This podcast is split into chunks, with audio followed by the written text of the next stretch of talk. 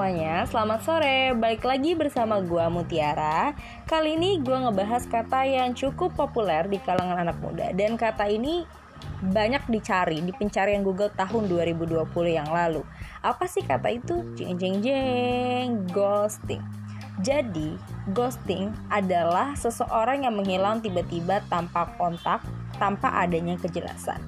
Kontaknya itu bisa email, telepon, maupun sosial media. Ghosting ini menjadi masalah yang sangat serius loh, karena biasanya terjadi di kalangan pasangan yang belum jadian, wih gawat nih, namun udah sering jalan. Tak terbatas sampai di situ, ghosting juga bisa terjadi di hubungan pertemanan platonik. Dan itu tidak kalah menyakitkan. Wah, parah kan? Jadi, Berdasarkan survei yang dirilis oleh Ella Amerika Serikat, 26% wanita dan 33% pria pernah melakukan ghosting. Berarti lebih banyak pria nih, atau di ghosting.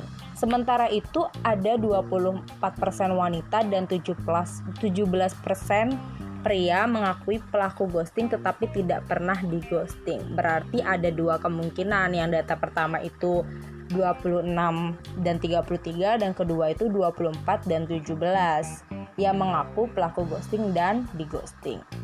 Jadi ada beberapa faktor yang menyebabkan seseorang itu mengghosting atau di ghosting.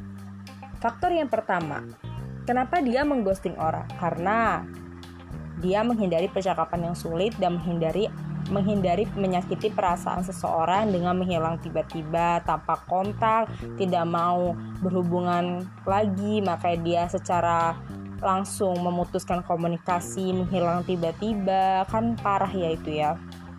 Dan bahkan dampaknya kalau seseorang mengghosting ini bisa terjadi konfrontasi atau dendam dan amarah karena dia merasa bahwa diri dia ini di saat dia tahu bahwa dia sedang digosting oleh orang, pasti kan dia ada rasa kesal, ada rasa marah karena dia digosting sama orang, ini orang ngilangin tiba-tiba gitu. Dia ninggalin tanpa kontak, tanpa kejelasan. Makanya kita yang digosting pun ngerasa ngerasa kecewa, ngerasa marah.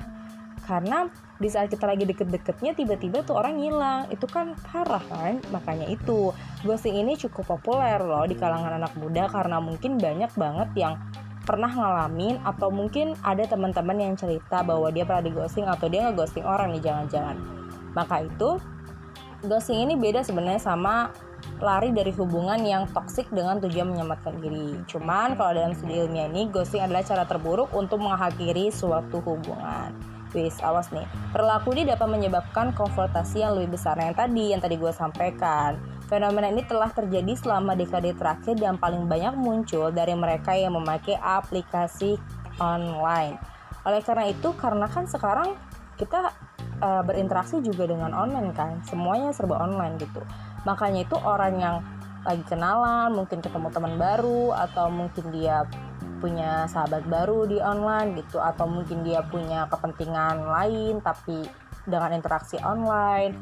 Nah, itu bisa aja gitu terjadi namanya ghosting kalau misalnya mereka sudah dekat atau mereka punya kepentingan satu sama lain tiba-tiba dari mereka nih salah satu dari mereka hilang tiba-tiba. Itu bisa aja dia di, lagi di ghosting tapi dia nggak sadar. Maka dari itu sebenarnya cara menyikapinya kalian harus tahu bahwa kalian tahu kalau kalian tuh lagi di ghosting. Dan yang kedua, kalian harus tahu penyebabnya kenapa kalian itu di ghosting. Dan kalau misalnya kalian udah di ghosting dan kalian udah tahu terus dia juga ngilang udah nggak tahu lagi ke mana nggak jelas kalian coba untuk ngabaikan. Kalian coba untuk lupakan sama orang yang udah ghosting kalian. Oke itu saja sih dari gua tentang ghosting. Nanti gue bakal ngebahas uh, beberapa isu yang mungkin lagi populer di kalangan anak muda.